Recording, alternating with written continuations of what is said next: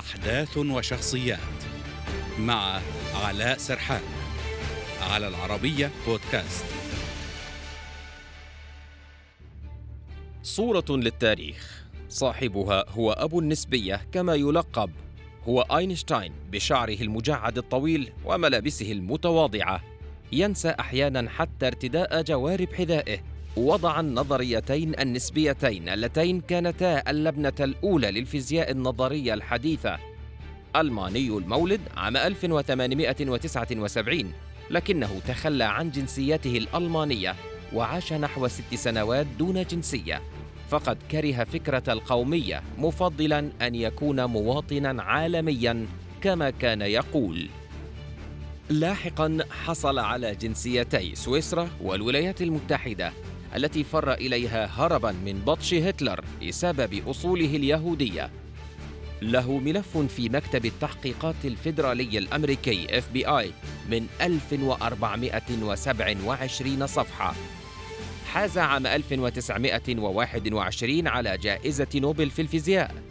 كان أينشتاين على دراية بالبحوث الألمانية لإنتاج قنبلة ذرية لمساهمته في جزء كبير منها. وساعد واشنطن على تصنيع القنبلة الذرية كي تستطيع ردع الألمان إذا تمكنوا من صنعها لكنه عبر عن ندمه بشدة بعد إسقاط القنبلتين على مدينتي هيروشيما وناغازاكي اليابانيتين أما عن صورته الشهيرة وهو يظهر لسانه بطريقة غريبة فما قصتها؟ في الرابع عشر من مارس 1951 كان زملاء عبقري الفيزياء يحتفلون معه بعيد ميلاده الحادي والسبعين في معهد الدراسات المتقدمة بجامعة برينستون الأمريكية في نيوجيرسي. خارج المبنى ينتظره الصحفيون والمصورون آملين باصطياد صورة أو تصريح لأينشتاين الذي كان متعبا وينزعج من لحاق الصحفيين به. أينشتاين يقول للمصورين والصحفيين كفى كفى. ولا فائدة. أحدهم يقول له بروفيسور ابتسم رجاء أريد التقاط صورة. فأخرج لسانه للصحفيين. وفي هذه اللحظة يضغط المصور آرثر ساسة على زر كاميرته ليلتقط الصورة التي أصبحت واحدة من أشهر الصور وعلامة مميزة لأينشتاين.